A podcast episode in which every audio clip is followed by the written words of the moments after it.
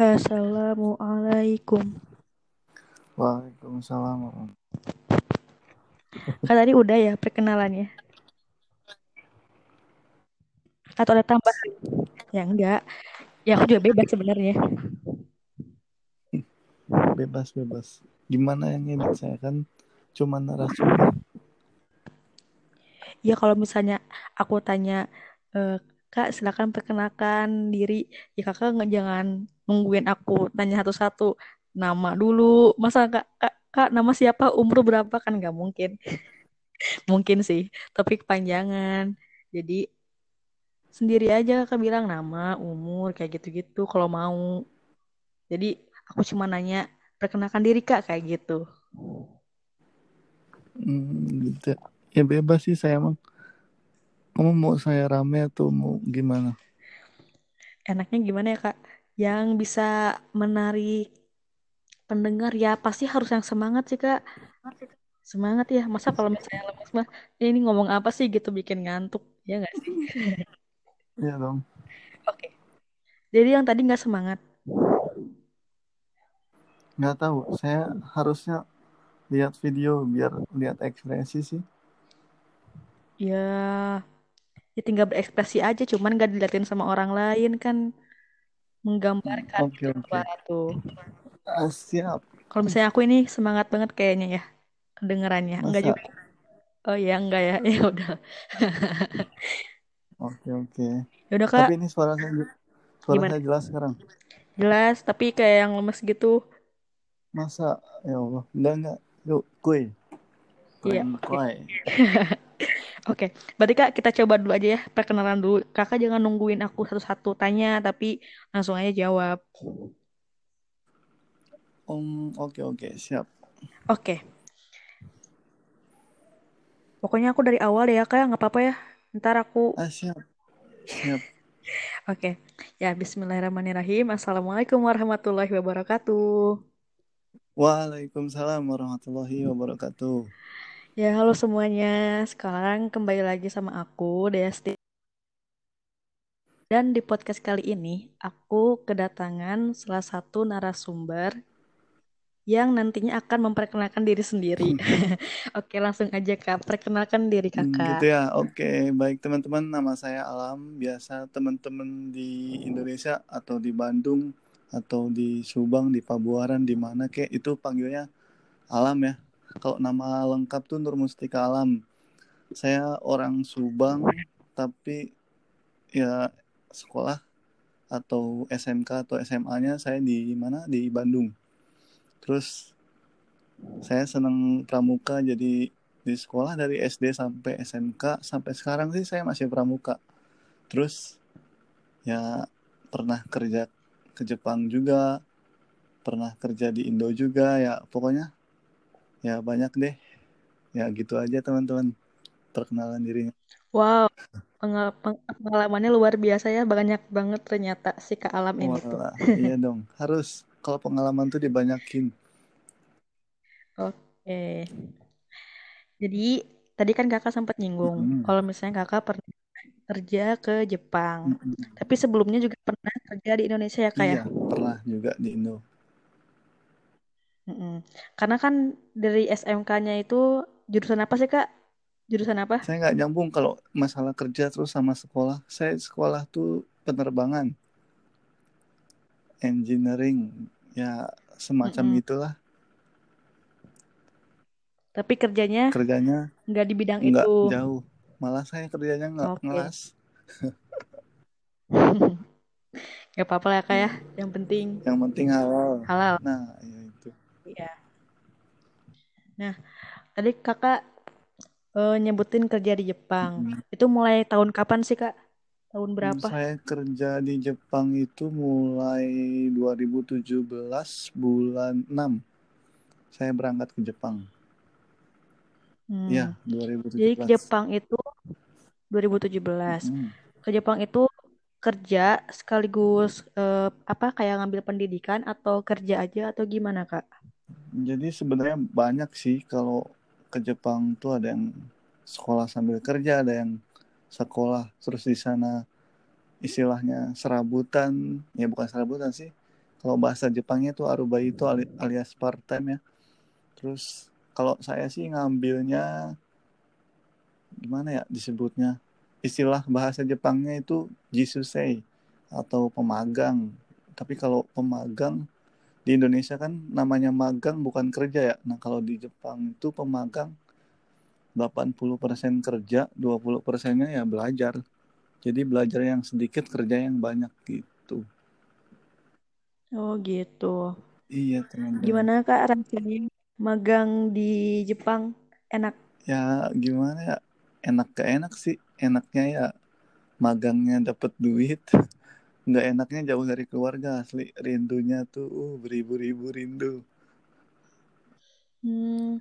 Dan nggak pulang-pulang ya, baru pulang kemarin. sebenarnya sih bisa pulang karena di Jepang kan ada tiga musim eh, apa ya ada tiga liburan dalam satu tahun maksudnya ada tiga rancangan satu misal satu tahun nih ada tiga kali liburan ada liburan musim dingin ada liburan Golden Week ada liburan musim panas nah itu tuh berlanjut tiap tahun pasti ada liburan. Jadi setiap liburan kita bisa pulang ke Indonesia. Ke Indonesia. Cuma ya balik lagi ke Jepang. Kita kan ngumpulin uang ya. Terus kalau kita buat Ya. bolak-balik ke Indo ya sayang uangnya sih. Nah rata-rata ya ada yang pulang. Paling udah dua tahun baru pulang. Terus balik lagi ke Jepang.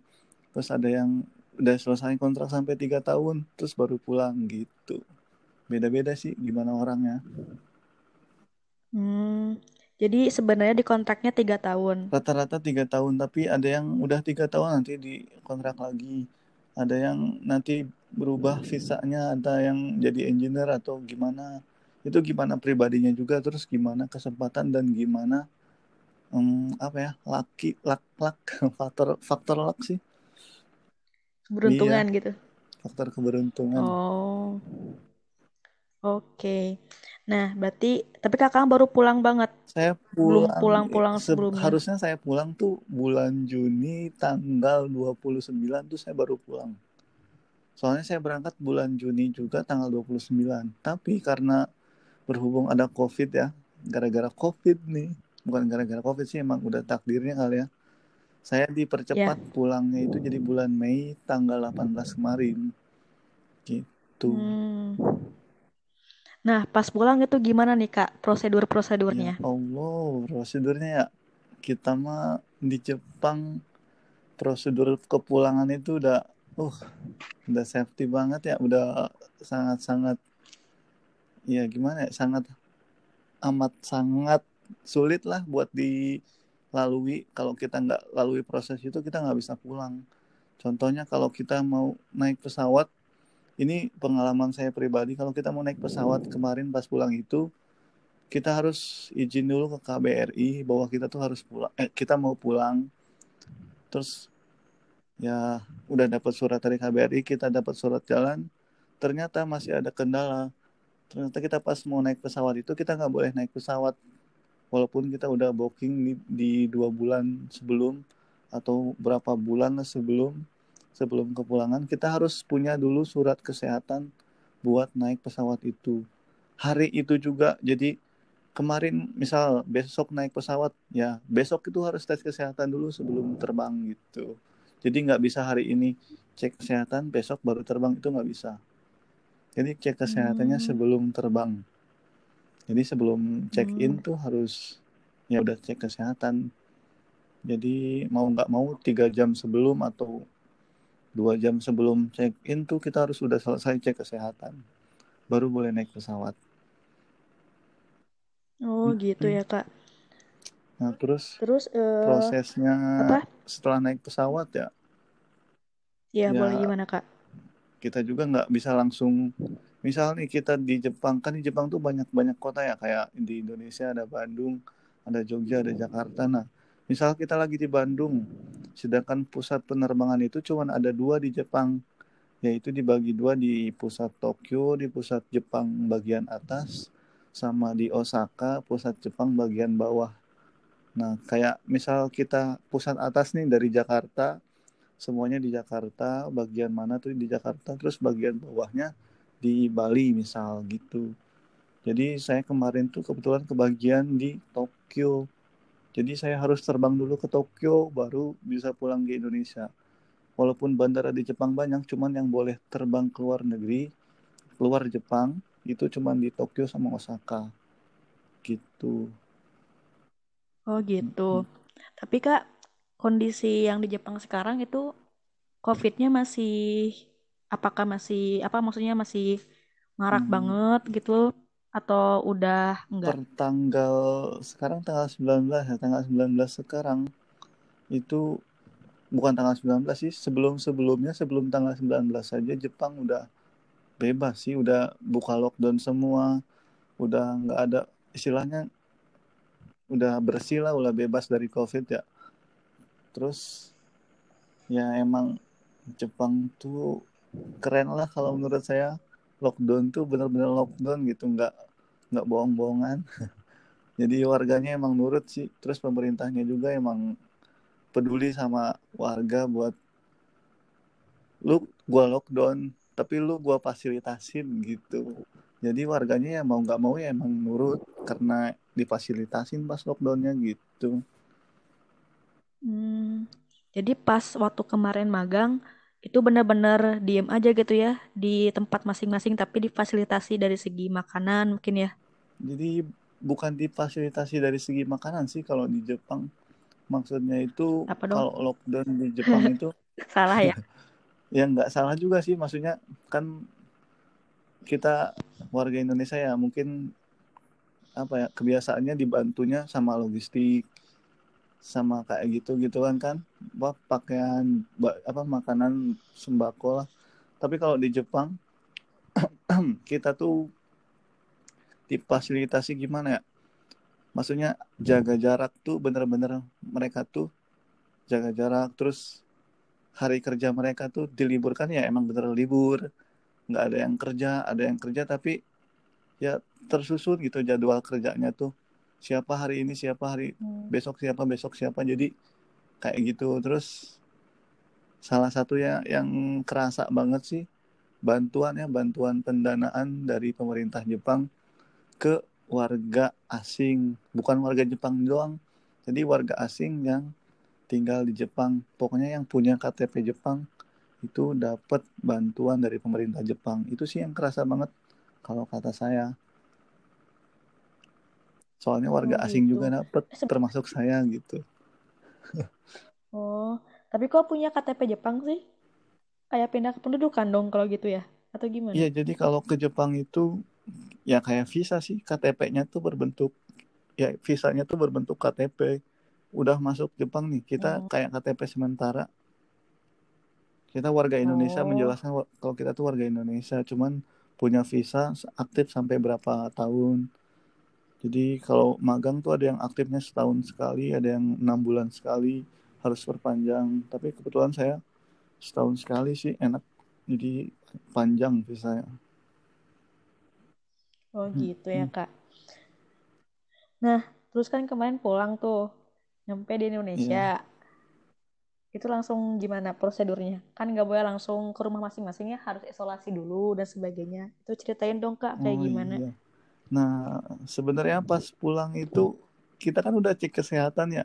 Udah cek kesehatan istilahnya kayak bebas dari demam, bebas dari penyakit flu dan sebagainya gitu kan. Karena dasar-dasarnya penyakitnya dari situ kan. Nah, tapi setibanya di Ya. Indonesia, kita tuh apa ya, turun dari pesawat langsung disuruh rapid test. Nah, rapid test itu yang apa ya yang cek darah doang. Nah kita tuh udah negatif.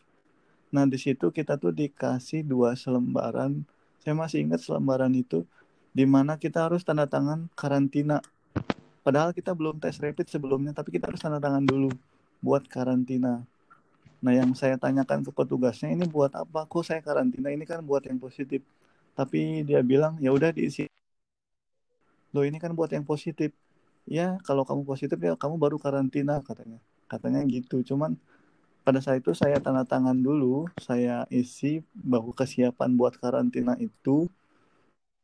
Tanda tangan, terus saya tes rapid, terus tapi jawaban di petugas itu bilang kamu harus karantina. Loh kok saya karantina? Kan saya negatif bu. Nggak e, bisa ini mas kan udah tanda tangan kesiapan karantina. Loh kok gitu? Saya kan tadi tanya ini buat apa kertasnya? Terus kata dia lah kan mau nggak mau apa udah tanda tangan katanya. Udah siap buat karantina. Oh kayak gitu ya? Saya bilang. Terus ya pokoknya pas datang ke Indonesia agak-agak gimana ya sama peraturan sama kebiasaan sama orang-orangnya ya beda jauh lah sama ya Jepang gitu jauh banget kalau Jepang ngomongnya A itu pasti bakalan A. Cuman kalau di Indonesia saya kalau dikasih tahu A mungkin jawaban yang bakal keluar nanti tuh A sampai D itu bakal ada semua. Jadi agak-agak gimana gitu. Bagi warga Indonesia yang baru pulang dari Jepang uh aneh banget sama peraturan di Indonesia. Gitu sih. Udah oh gitu. udah tes ya, tes rapid kita karantina dan ya gitulah makin amburadul asli nggak bohong Eka kalau misalnya kita entar nih upload yang ini mm-hmm. itu bakal kena undang-undang ITE nggak ya? Kayaknya sih nggak soalnya saya udah udah itu ambil turah di Facebook juga banyak sih yang ngeluhin di Wisma Atlet kebetulan saya karantina di Wisma Atlet setelah saya karantina apa karantina itu saya dikirim ke Wisma Atlet. Gitu. Ini mah pengalaman pribadi. Oh gitu. Iya ya benar ya pengalaman cerita di share gitu ya kak. Makanya banyak yang minta podcast lip sama kayak gitu. Cuman sebelum eh sebelum pas di Wisma Atlet juga banyak yang minta wawancara. Cuman waktu itu nggak boleh kalau peserta apa ya istilahnya yang karantina tuh nggak boleh diwawancara gitu. Berarti kak ini mah semua wawancara. yang gimana? Ya padahal pengen banget tuh diwawancara. oh, iya ya. Iya dong. Ya berarti kesempatannya setelah setelah keluar dari wisma atlet. Iya beneran biar bisa share pengalaman. Soalnya kan banyak juga yang DM ke IG terus message ke Facebook. Mas gimana Mas? Ini di Wisma Atlet gimana? Saya mau pulang Mas ke Indonesia. Mas gimana? Ini persyaratannya apa aja? Mas gimana? Apa karantinanya fasilitasnya apa aja? Kita harus bawa apa aja gitu. Soalnya posting itu emang beneran live di sana gitu. Saya sempat live juga di sana. Sempat ya cerita-cerita gimana keadaan aslinya. Yang kita dapat kamar nggak ada listrik kita dapat kamar nggak ada air. Itu wah macam-macam lah. Istilahnya iro-ironan hmm. date. Ya pokoknya wah pokoknya jelek lah saya gitu. Bukan jadi bukan kak sebenarnya Indonesia. Cuman ya realnya kayak gitu iya, iya. Iya iya kak benar. Gimana? Terus waktu kan pas datang nih, pas nyampe harus tanda tangan dulu. Berarti itu mah otomatis ya semua orang yang dari luar datang ke Indonesia bakal tetap semuanya melakukan isolasi gitu ya walaupun dia negatif. Atau ada juga yang tetap nggak mau tanda tangan dan dia boleh bebas pulang. Setahu saya sih nggak bisa langsung pulang ya. Jadi semuanya yang angkatan bukan angkatan sih, maksudnya yang bareng saya hari itu semuanya di karantina gitu. Pokoknya dari Tokyo hmm. Haneda itu, eh Hane, iya Tokyo itu semuanya langsung karantina. Terus katanya ini baru yang bawa ya buat lolos dari karantina itu mesti bawa surat bebas COVID dari pemerintah atau kedokteran Jepang. Sedangkan di Jepang kita itu nggak bisa dapat surat bebas COVID kalau kita nggak pernah sakit. Iya iya. Jadi di Jepang ya, itu bener-bener safety gitu. Buat apa sih lu periksa kesehatan kalau lu nggak ada gejala COVID? Buat apa sih lu periksa kesehatan kalau lu sakit gitu? Lu ngerasa nggak lu sakit? Kalau enggak ya buat apa? Daripada lu ke rumah sakit terus kena gitu. Kalau pemerintah Jepang gitu. Hmm. makanya agak-agak rancu gitu kalau misalkan kamu harus bawa dulu surat kesehatan bebas covid dari Jepang. Lah di Jepang tuh nggak bisa nggak bisa kita tes bebas covid.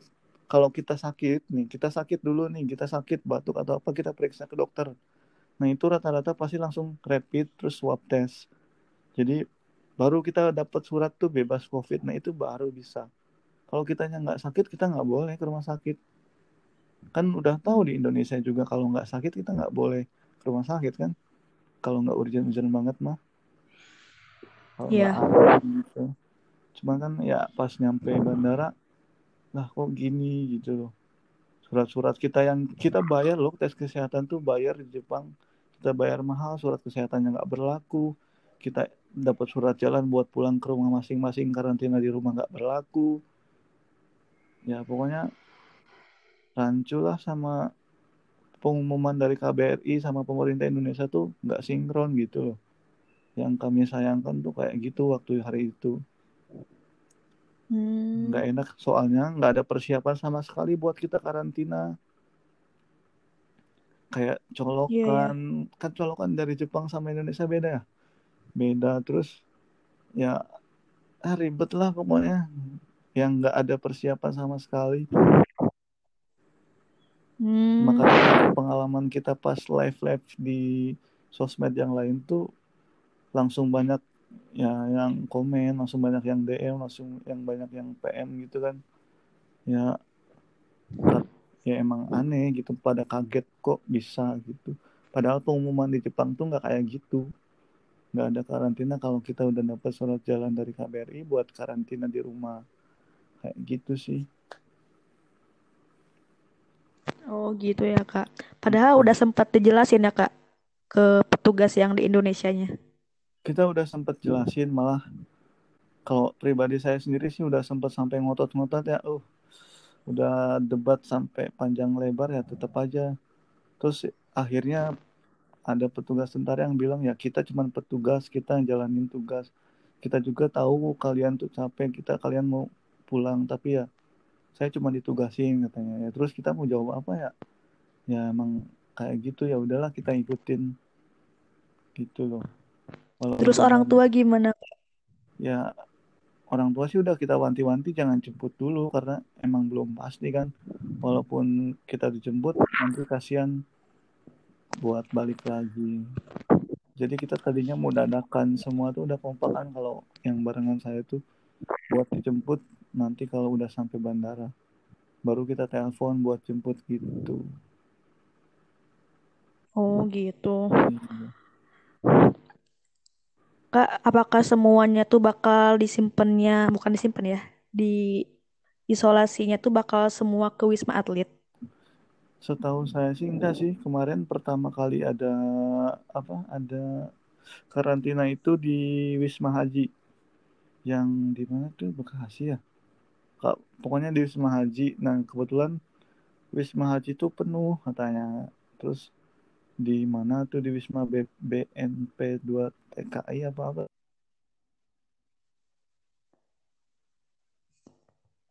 Apa ya?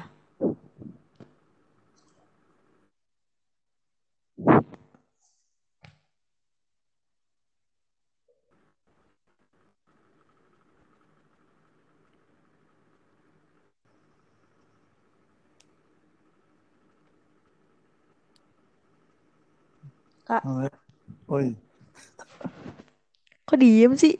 lah sinyalmu Masih nyalaku ya?